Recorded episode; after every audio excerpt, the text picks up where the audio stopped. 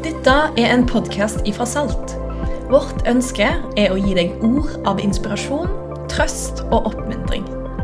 I denne spesielle perioden anbefaler vi deg å følge oss på sosiale medier eller på salt.co.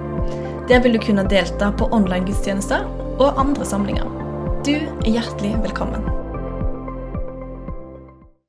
Finnes Gud?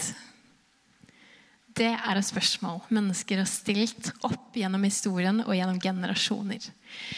Og jeg synes Det er spennende å tenke på f.eks.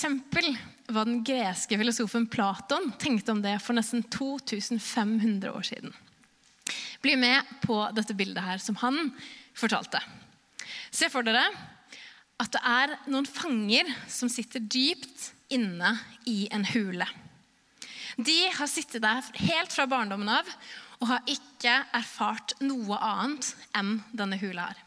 De sitter bundet mot den innerste huleveggen, og det er alt de kan se. Bak de finnes det et stort bål langt unna. Og mellom de og bålet så er det figurer som beveger seg og snakker sammen. De stopper og lager lyder. Litt som når du kanskje har laget figurer, skyggefigurer eh, med en powerpoint. Eh, så ser du for deg at disse personene de ser bare det som er på veggen. De ser ikke den som lager disse figurene. Men en dag så er det en av fangene som slippes fri. Han snur seg, nysgjerrig, og blir blenda av lyset fra bålet. Og han ser at disse figurene som har laget de store skyggene på veggen, faktisk er mye mindre enn det han trodde. Og han skjønner også at, det, at det ekkoet av lyd som har virka, som kom fra skyggene, det kommer egentlig fra disse menneskene. Fra det som skjer der borte. Så beveger han seg enda lenger ut av denne hula og blir blanda enda mer av lyset fra sola. Men etter hvert som øynene justerer seg, så ser han at her fins det en, et skaperverk. Det fins både skygge og lys. Og det er mye mer enn det han visste at fantes. Og For Platon så er det et bilde på at det finnes mer enn det vi kan sanse. Han snakker om at det finnes det godes vesen, eller en skapende Gud, som må være bak alt det vi kan se og føle på. På samme måte som at bålet og sola og figurene som skaper skyggene, selvfølgelig er mer ekte enn skyggene som fangene har sett. På samme måte er den verden som vi kan sanse, den har sitt utgangspunkt i noe større og noe som er mer virkelig enn det vi kan ta og føle på.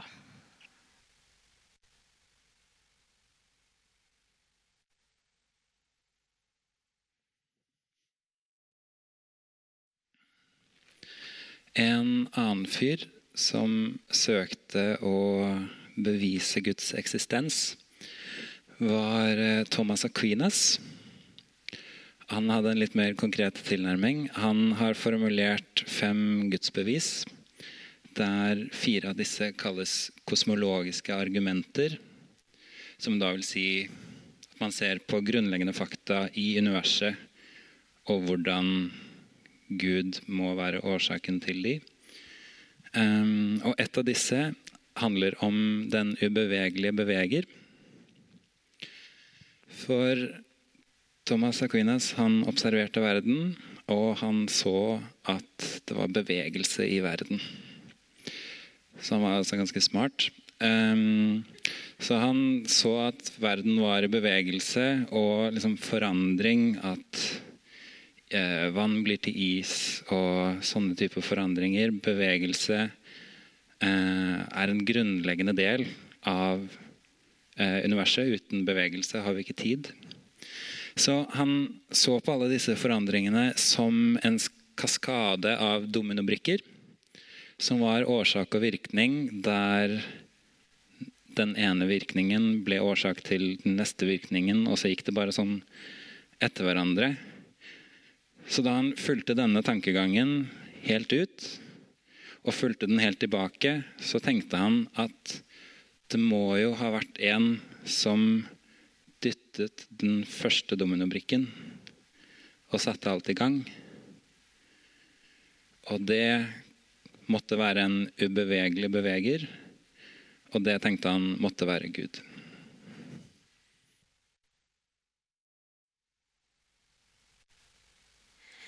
En annen måte man kan forsøke å forklare Guds eksistens på, er ved å spørre spørsmålet om godhet egentlig kan eksistere uten en gud.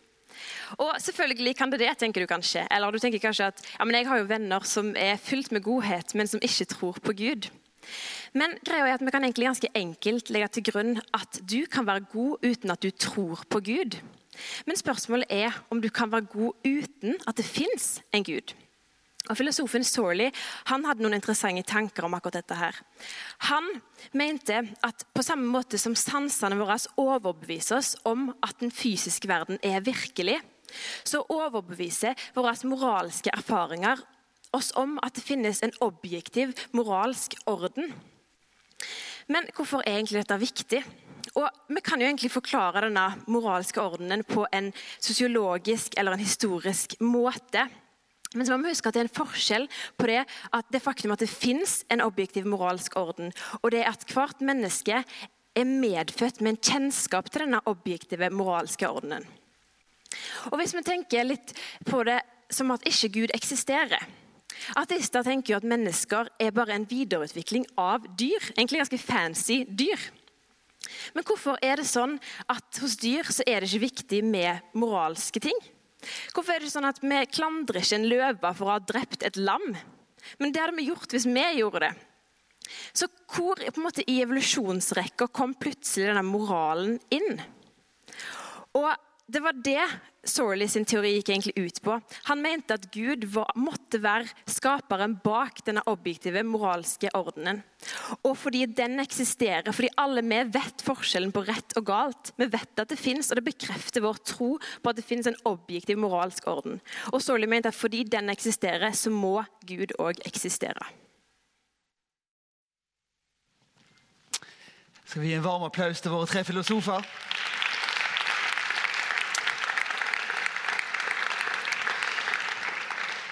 For deg som tenkte oi, heierne har forelesningsuken begynt allerede.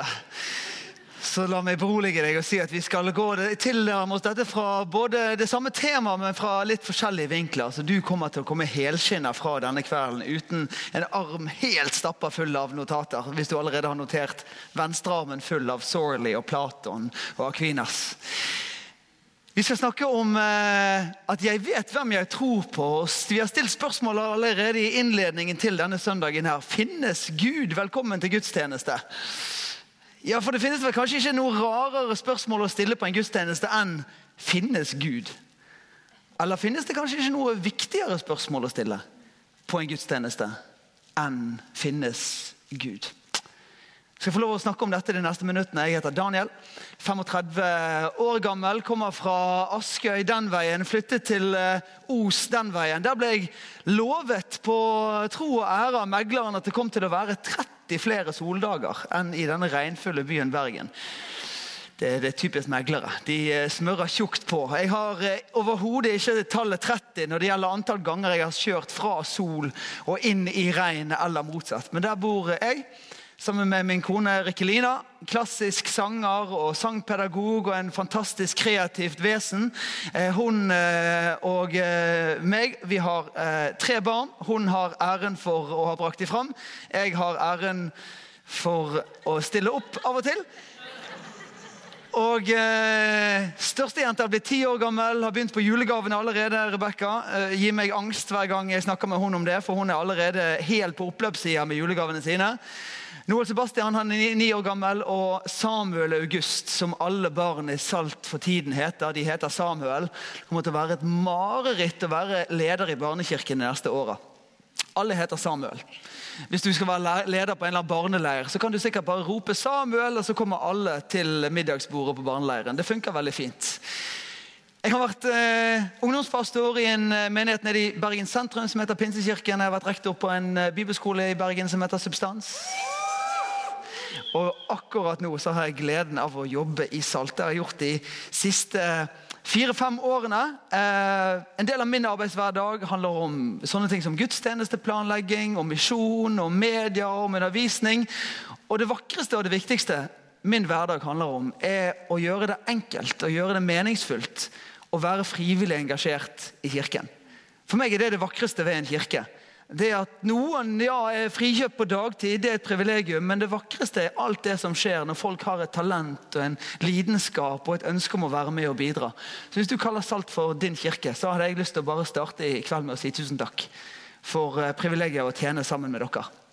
Og være med og gjøre dette til et fellesskap som vi har glede av, og et åpent fellesskap som forhåpentligvis kan være noe som hele byen vår har glede av. Jeg vet hvem jeg tror på Paulus sier det til uh, Timoteus som en oppfordring om å være trofast og frimodig. Om å ha med seg både hode og hjerte inn i det han skal uh, gå inn i av lederoppgaver og disippelliv. Når Jesus snakker om dette, så sier han at det går mulig å forstå gudsrelasjonen vår sånn at vi kan elske Gud av hele vårt hjerte, hele vår sjel, av all vår kraft og av all vår forstand. Og det er det siste vi gir litt sånn særskilt oppmerksomhet disse ukene her. Forstanden vår. For ofte så kan det være sånn i noen kirkelige sammenhenger at det skal føles så mye. Alt skal liksom føles rett, og vi skal oppleve det, vi skal kjenne det. Men hodet er ikke utelukket fra et trosliv. Det er ikke sånn at eh, vi trenger å bare kjenne det i hjertet eller tro i hjertet. men å elske Gud med vår forstand er en vakker ting. Det er noe som Paulus oppmuntrer Timoteus til. Det er noe som Jesus beskriver. Jeg vet hvem jeg tror på. Apologitikk. Trosforsvar. Hvor kommer dette fra? Det er Peter som skriver. og Han sier vær alltid klare til forsvar. Apologia. Når noen krever dere til regnskap for det håp dere eier. Men gjør det ydmykt, og gjør det med gudsfrykt, så dere kan ha en god samvittighet. Det er fullt mulig å forsvare noe uten å gå i forsvar. Det er fullt mulig å argumentere for noe uten å bli aggressiv. Litt mer krevende for bergensere å klare det, men det er mulig for alle mennesker. Det er fullt mulig å vite hva jeg tror på. Det er det vi sikter på denne måneden. her. At det som du har med deg av en kristen tro, kan kjennes stødig for din egen del gjennom det livet du skal gå med tro og tvilsperioder, og for de menneskene som du møter, som er nysgjerrig på hva du tror på. At det fins en fortelling og en forståelse hos deg av at ja, men det er dette, jeg vet hva jeg tror på. Jeg syns det er kjempespennende å prate med deg om det. Så Dagens tema er 'Finnes Gud'? Jeg er glad for at uh, spørsmålet vi stiller, uh, får vi litt sånn hjelp av Harald Eia til å gjøre til et dagsaktuelt tema. Uh, tusen takk for innsatsen. Han kan vel knapt sies å ha gjort det aktuelt. Det har blitt stilt som et spørsmål av nærmest alle mennesker til alle tider. Finnes Gud? Skal vi tro at det finnes en Gud?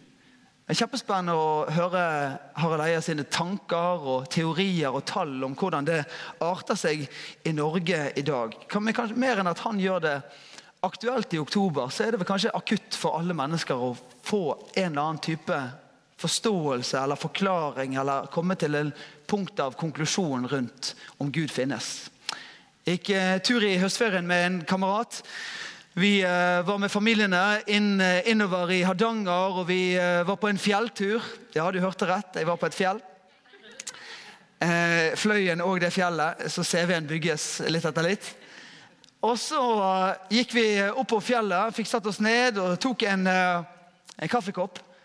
Og Plutselig så var litt sånn ungene vekke, og vi fikk noen minutter for oss sjøl å prate. og Vi begynte å snakke om infrastruktur. Gikk videre til å snakke litt om fotball, gikk litt og snakka litt om vannkraft. Og så snakket vi litt om Guds eksistens.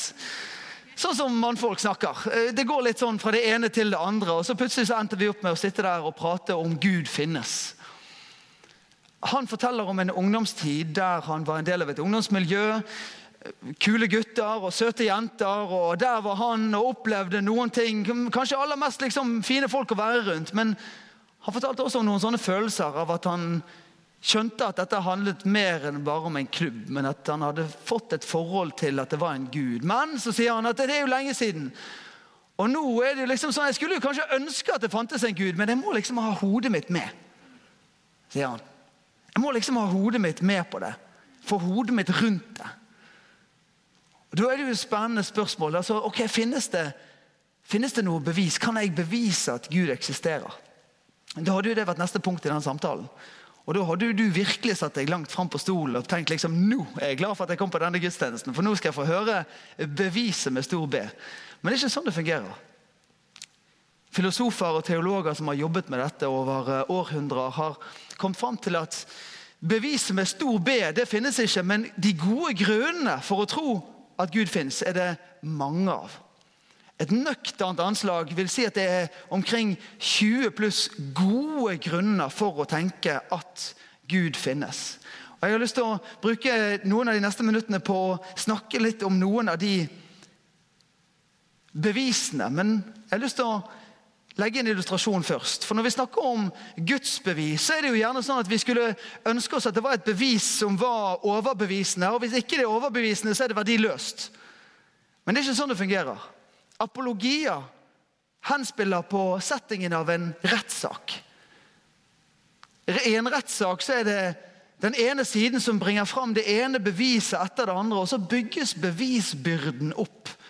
Og Til slutt så skal dommere eller en jury fatte en beslutning og si at på grunnlag av bevisbyrden så trekker vi denne slutningen. Om skyld eller uskyld. Om Gud eksisterer eller om han ikke eksisterer. Og Kanskje for den som både har en tro og den som er på leiting etter en Guds tro, så kan det være nyttig å tenke om det på den måten. Legg litt ned den der kampen eller ønsket eller uh, leitingen etter det ene argumentet eller det ene perspektivet som er så uimotståelig og så ugjendrivelig at alle bare må tro på det. Så langt, Lykke til i jakten, men så langt så er det mer altså vi forstår at Gud har lagt ned igjen spor av seg sjøl. Guddommelige fingeravtrykk. Og bevis for bevis for bevis så bygges en bevisbyrde. Og til slutt så er det åtte av ti mennesker i verden i dag som har kommet til den slutningen, ifølge programmet som Harald Eia eh, viser fram, kom til den slutningen at bevisbyrden er overveiende stor for at det må finnes en gud. Jensen og eh, Cappelen-saken er kanskje den mest eh, omtalte saken i norsk presse de siste årene. Det er underfundig å se det der med beviser når de legges fram. Disse SMS-ene, hva betyr de egentlig? Det blir stående litt som ord mot ord. Kanskje du føler det når du havner i noen eh, samtaler om tro eller samtaler om Gud også, at det blir litt sånn ord mot ord. Hva betyr egentlig dette? Hvordan skal vi forstå dette? En SMS om at det blir sol og fint vær. Nei, det er bare værmeldingen, det. Bare yr.no, en rapport om at det er sol og fint vær. Det er ikke noe beskjed om at eh, det, kysten er klar, og det er bare å kjøre på med kriminell aktivitet. Eller? En SMS om at eh, en mann i grøften skal se på skadene til bilen. Er ikke en eh, føler hos informanten Cappelen om at eh, det her er noe jeg trenger å vite noe mer om. Det er en alarm om at det er noen som er på ferde, og det er best å trekke seg unna. I hvert fall sånn rettssaken måtte forholde seg til det når de skulle høre om bevisene og dra sin slutning. Så ble bevis for bevis lagt fram, og så måtte man dra en slutning om det var værmelding eller advarsel. Den ene med SMS-en jeg tar den med som en kuriositet. Den ene SMS-en virket det når jeg leste meg opp på denne saken litt her, og har fulgt med den. Den ene SMS-en var de skjønt enige om begge to hva betydde. SMS-en sier bil med 300 hestekrefter gikk på både bensin og diesel. Ok? Og Både Cappelen og Jensen måtte erkjenne at det betydde at det var 300 kg med hasj på vei til Norge. Det, det, var liksom, det, det, var ikke så vanskelig å, å erkjenne. Eller det var iallfall mulig å komme til enighet på det punktet der. Noen ting kan man altså bli enige om. Så Hvis Gud har lagt noen fingeravtrykk i vår verden som er spor som kan bygge et grunnlag for å tenke at vi kan få dra slutningen at han finnes. La oss se på de sporene, da. Først dette som eh, Adrian eh, snakket om, som Thomas Aquinas har anført. Kosmologi. Kosmologiske gudsbevis. Det sitter en uh, venn av meg nede ved storskjermen i dag, Kjelmar. Han underviste om kosmologi på Universitetet i Bergen forrige uke. Så hjertelig velkommen, Kjelmar. Take the scene. La meg fordele noe kort, og så er det virkelig mannen å gå til hvis du vil uh, prate videre. Han uh, snakket til meg i dag formiddag så sier han, jeg syns du var litt nøktern når du sa at det finnes bare omkring 15 fininnstilte konstanter i universet for at menneskelig liv kan eksistere? Hei! Og der har vi Skjelmar.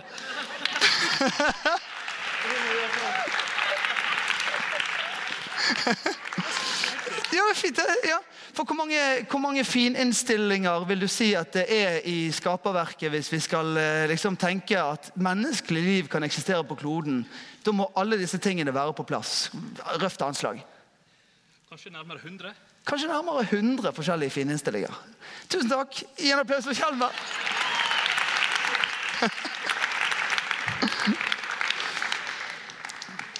Det er altså mannen kuriositet. Det er altså mannen som når vi hadde gudstjenester på Riks, så hadde vi en bakgrunn i lovsangen. eh, en sånn lovsangsbakgrunn. Det var noe nordlys.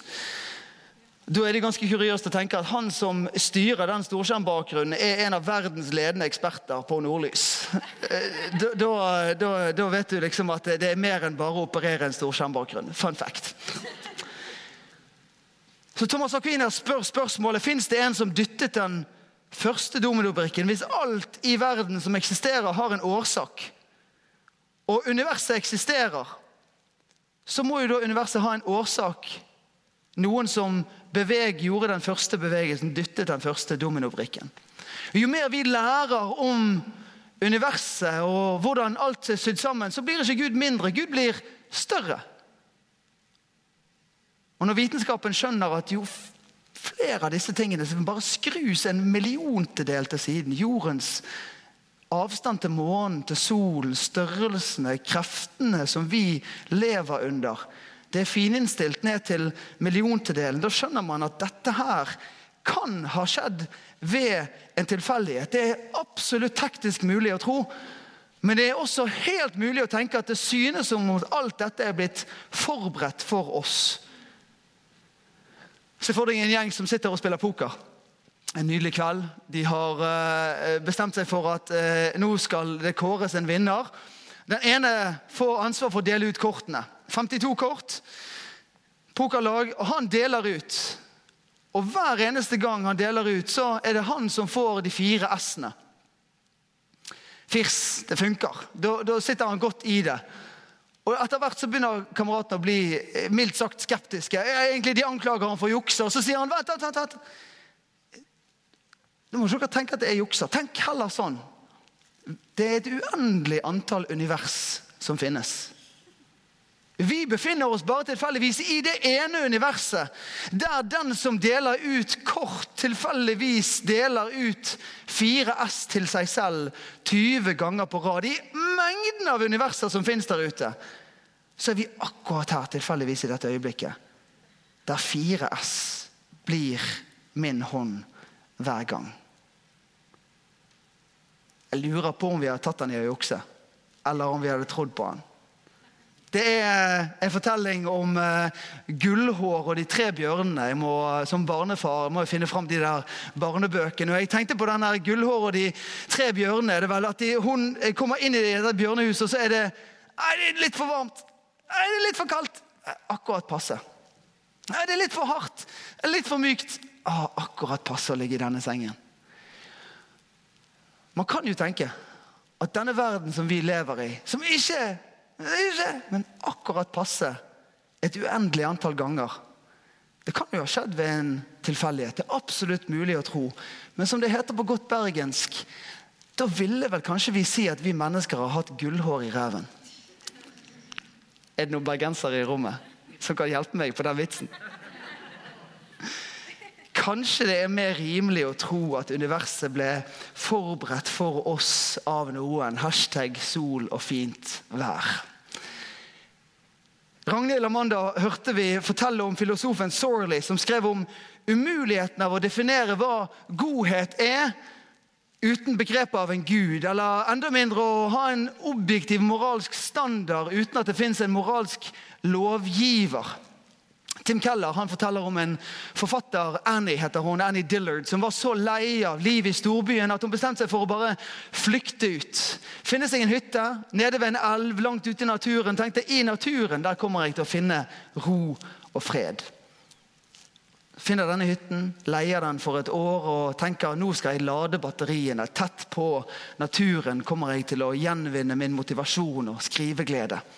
Hun sier det finnes ikke ett menneske som er så ondskapsfullt som det kjøttetende knelerinsektet.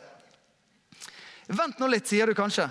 Det finnes ikke noe rett og galt i naturen. Sånt er en menneskelig tanke. Nettopp. Vi er moralske skapninger i en amoralsk verden. Ha. Hun skjønner at naturen i sin nat naturlighet er ganske brutal. Hun forventet å finne idyll, men opplevde å finne noe helt annet. Vi mennesker vi mener helt bestemt og kategorisk at det er galt av de som er sterke, å drepe eller utnytte de som er svake. Hvor kommer den overbevisningen fra? Hvis vold er så naturlig i naturen, hvor kommer denne dyptgående følelsen i oss? Vi kan kjenne det på kroppen. At det er galt at noen som er sterke, tråkker på de som er svake. Hvor oppsto det? Eller, som Amanda var inne på, i forsøket på å svare så sier man altruisme, uegennyttige handlinger, kan jo ha oppstått et sted. I evolusjonen. Ah, det er veldig vanskelig å forene paradigmaet 'survival of the fittest', den sterke vinner, med at det skal ha overlevd en egenskap og en holdning og en handling av å leve uselvisk og uegennyttig og ikke hevde sin egen rett, men å gi til alle andre. Det er vanskelig å få det til å henge sammen, at altruisme eller moral kan ha oppstått i et evolusjonært livsanskuelse. Jeg sier ikke at det er et bevis som alle må bøye seg for, men jeg sier at vi bygger en bevisbyrde. Kan Gud finnes? Det er gode grunner for å tenke det. Det er kun om vi har en moralsk standard som er skilt fra naturen, at vi kan bedømme noe som rett og noe som er galt. Om noe som godt og noe som ondt. Tenk om det var sånn at det var en fredens, kjærlighetens og rettferdighetens Gud som hadde skapt vår verden. Tenk om det er derfor vi kan kjenne det på kroppen at det er så grunnleggende feil at noen skal plassere kneet sitt på noen andres nakke til de roper på sin mor. Det river helt i grunninstinktet vårt av hva det betyr å være et godt menneske. Hvor kommer den indignasjonen fra? Om ikke den kommer fra han som innretter verden på den måten. Mari Kristine hørte om Platon, og kanskje angsten eh, tar deg nå for at vi skal dypere inn i liksom, de greske filosofene. Vi skal gjøre et sprang til en bibeltekst på tide, tenker du kanskje. Fra Platon, og ikke eh, dypere inn i den greske historien, men til israelsfolket, som eh, har gått i ti år og vandret i ørken, og før det i hundrevis av år og vært fanger, fanger, i Egypt. Men nå står de der ute i ørken, og plutselig så står det en svær leddskjerm der ute der det står 'Velkommen hjem'. De skal inn i det lovede landet. Gud forteller at han har forberedt et sted for dem. Men Moses står i Guds sted, og så har han en melding å komme til dem før de begynner å bosette seg på det nye stedet. Han sier nå vil Herren din Gud føre deg inn i det landet som han med ed lovet dine fedre, Abraham, Isak og Jakob, å gi deg. Med store og vakre byer som du ikke har bygd, velfylte hus som du ikke har fylt, utgravde brønner som du ikke har gravd, vinmarker og oliventrær som du ikke har plantet. Når du så har spist og er blitt mett, vokt deg da, så du ikke glemmer Herren, som førte deg ut av Egypt, ut av slavehuset. Hvis du følger uh, fortellingen videre, det er jo der uh, Torsten Menzoni skal undervise videre på kveldsbibelskolen. Josva, dommerne, Ruth. Hvis du følger historien videre, så tar det ikke mer enn en drøy generasjon før disse ordene blir sanne. Det som hadde vært en levende tro og en avhengighet av Gud i ødemarken, blir bare en generasjon seinere lagt på hyllen. I 1947 så var det 85% av nordmenn som sa at de trodde på Gud. 85% for 70 år siden. I 2019, som eh, eier sitt program eh, forteller om, så er det 30% som svarer ja på det samme spørsmålet. Kanskje Moses sine ord ikke er så fremmed for å være aktuelle til oss også. Og eier sin tese er kanskje ikke helt på jordet heller. Kanskje det faktisk er sånn at velstand er mer krevende for gudstro enn motstand. Motstand kan håndteres, men velstand gjør noe med noen. Velstand gjør noe med hukommelsen til et folk. I dag spør vi jo spørsmålet finnes Gud. Og Når mennesker føler at de ikke trenger Gud, da gjenstår likevel spørsmålet for meg men gjør det Gud mindre sann? Altså, slutter han å eksistere selv om færre sier at de tror? Har jeg fortsatt en Instagram-profil etter at du sluttet å følge meg?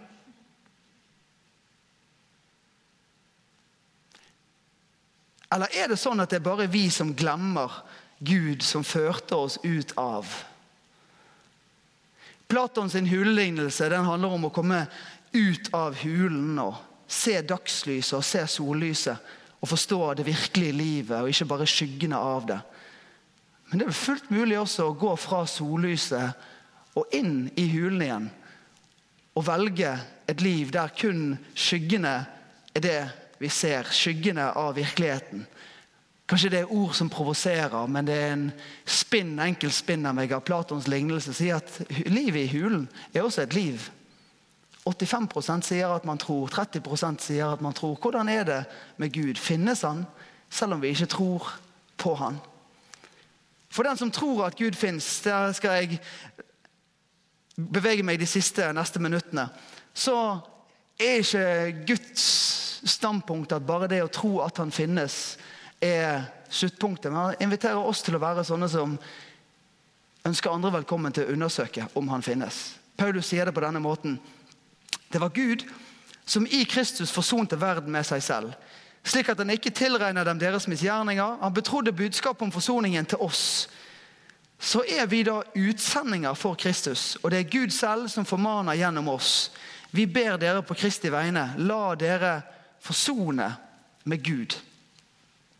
Forsoning det er et spennende ord. Vi skal la det være nøkkelord om to uker. Snakke om hva forsoning er for noe. Men mine neste minutter vil jeg zoome inn på dette begrepet utsendinger. Å være en utsending. Hva betyr det for noe? I, i Salt så snakker vi om å være eller bygge en bro til tro. At våre bønner for mennesker som vi kjenner, sammen med ordene vi deler, kan være en vei til å undersøke og kanskje utforske og kanskje komme til et punkt der man selv tror. Men det er disse ordene som noen ganger vokser i munnen på oss. Det å dele tro er ikke bare enkelt, og kanskje spesielt når vi kommer til et punkt som dette. Apologitikk. Trosforsvar. Du formelig kjenner at de ordene bare stopper inni munnen. Kompliserte tankerekker, mindreverdighetskomplekser for å ikke vite alt og skjønne alt. Og den litt sånn stressende følelsen av at nå blir jeg grillet. Jeg tror at det er mange, meg sjøl inkludert, som har kjent på stresset og presset rundt det å ha samtaler om temaer sånn som dette. For det blir fort liksom at man kjenner seg litt sånn svar skyldig. Er det meg som skal klare å huske alt det der med kosmologisk, og, eller var det odontologisk, eller hvordan var Så prøver vi å liksom få ting til å sitte. Jeg har lyst til å prøve å vise deg en annen innfallsvinkel. En annen måte å være utsending. Der ikke det handler om å memorere Kalam-argumentet eller å huske en eller annen briljant fortelling, men å faktisk være et respektfullt, nysgjerrig, lyttende, spørrende menneske. Hva mener jeg med det? Se for deg at du er sammen med studievenner, naboer, kollegaer. Dere sitter og spiser middag sammen et festlig lag. Dere snakker om infrastruktur og fotball og vannkraft og om Guds eksistens.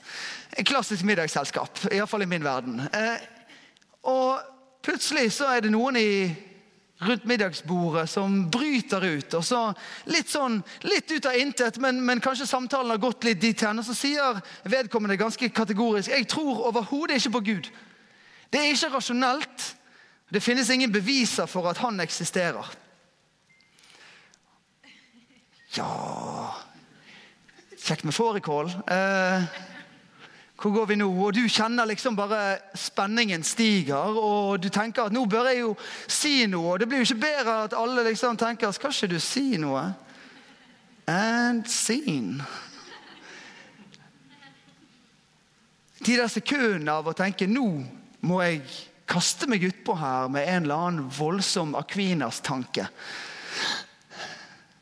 Eller fins det en annen vei videre?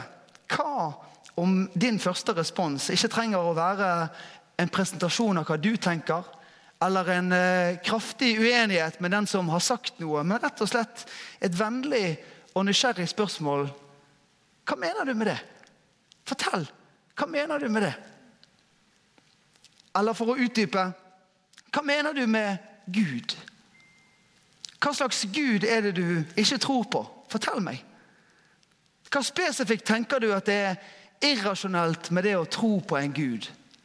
Eller siden du ikke mener at det finnes noen beviser, hvilke type bevis hadde vært overbevisende for deg? Hvilke beviser hadde vært tiltalende for deg om de fantes?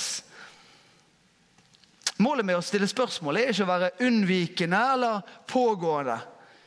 Målet er å vise den andre den nysgjerrigheten og respekten og faktisk lytte ut og prøve å forstå hvor de er henne i sin reise rundt tro eller ikke tro.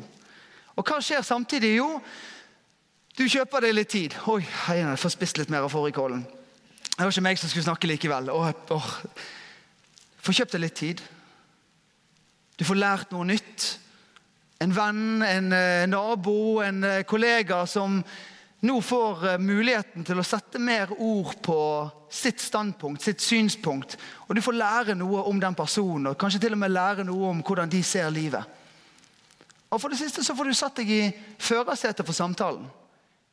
Så ofte så havner kristne i passasjersetet i samtaler. De blir bare dratt med i en eller annen retning. Heiane, nå skal, det, nå skal vi dit. Eh, så vet du hvor du endte opp, og hvordan du skal komme deg derfra. Sett deg i førersetet. Jeg kan styre denne samtalen og være med og ta den i en retning. Hva mener du med det? Det er mye som kan skje når man stiller et oppfølgingsspørsmål etter at en kraftig påstand har blitt uttalt. Kanskje det kan vise seg at den Gud som de tror på, er ikke en Gud som du tror på heller. En eller annen mann med skjegg oppe i himmelen som sitter med en pekefinger. Eller en eller annen kosmisk politimann som passer på. Eller... Så deilig, da. Jeg tror ikke på han, jeg heller. Da er vi enige. Vi er begge sånne som ikke tror på den guden der. Eller kanskje du lærer deg at den gjesten du har ved bordet, den vennen du har ved bordet, er åpen for at det finnes, hvis det fins et bevis som er litt i den retningen der, som forklarer noe om naturen eller som forklarer noe om moral, så, så er det type gudsbevis som hadde vært spennende å høre på. Da tenker du, da kan vi jo ta samtalen dit. Eller kanskje personen må erkjenne at ja, det var litt vanskelig å liksom bare underbygge det der. At det er irrasjonelt å tro på Gud. Det er liksom ikke helt lett. Og det er lett å si det. Det er ikke så lett å backe det opp med en forklaring. Det er ganske rasjonelt. At hvis det har vært et big bang, så er det en big banger som står bak det. Det er ganske rasjonelt å tenke at den første bevegelsen må ha blitt utløst av noe. Det er ganske rasjonelt å tenke at objektiv moral har en lovgiver. Det er ganske rasjonelt å tenke at ekstremt komplisert DNA inni et menneske har et design bak seg som er intelligent. En gud. Det er ikke irrasjonelt i det hele tatt. Det er faktisk ganske rasjonelt. Ikke på den måten at man må oppgi å bli en gudstroende, men det er iallfall ikke irrasjonelt. Etter at du har spurt en eller annen variant av liksom spørsmålet hva mener du med det, så kommer spørsmål nummer to. Jeg tenker Så ofte så havner sånne som deg og meg, som du kaller oss kristne, i denne situasjonen at vi tenker at nå skal vi svare. Nå er det vi som sitter liksom i hotseatet og skal svare på dette. Men er det ikke sånn at det er den som kommer med påstanden, som også har et ansvar for å begrunne det?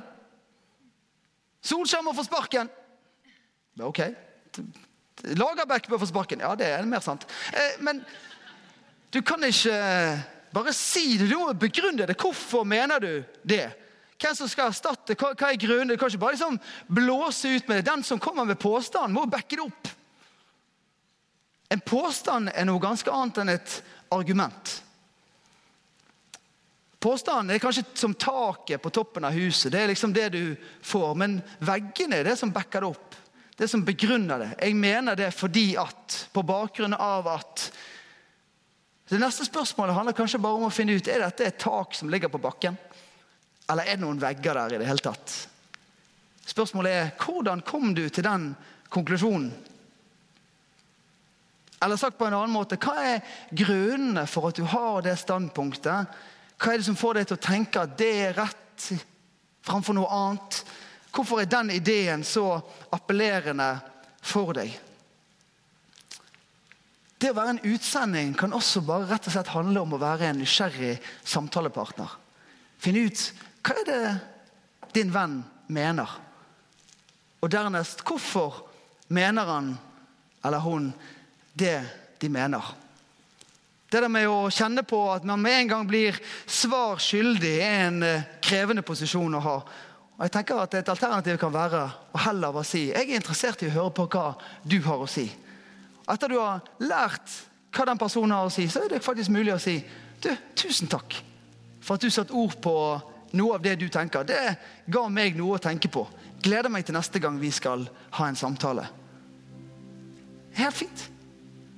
Da kan plutselig fårikålmiddager være hyggelige middager, selv om fårikål smaker dritt. Du hørte det, det, det, det, faktisk, det trenger ikke begrunne engang. Det er bare et faktum.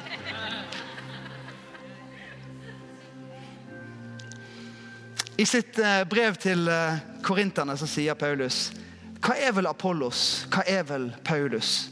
Jo, de er tjenere som hjalp dere til tro. Begge gjorde vi det Herren hadde satt oss til. Jeg plantet, Apollos vannet, og Gud ga vekst.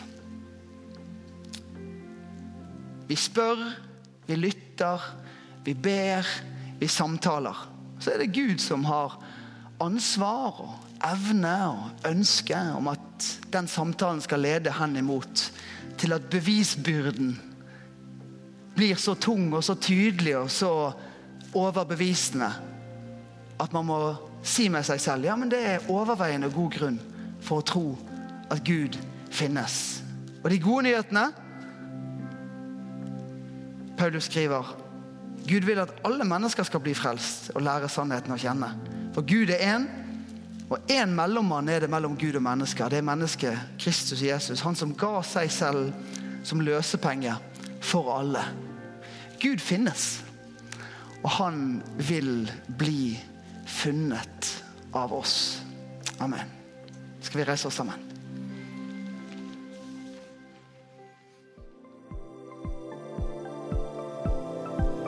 Takk for at du hørte på. Velkommen tilbake til neste podkast og til alt som skjer online framover.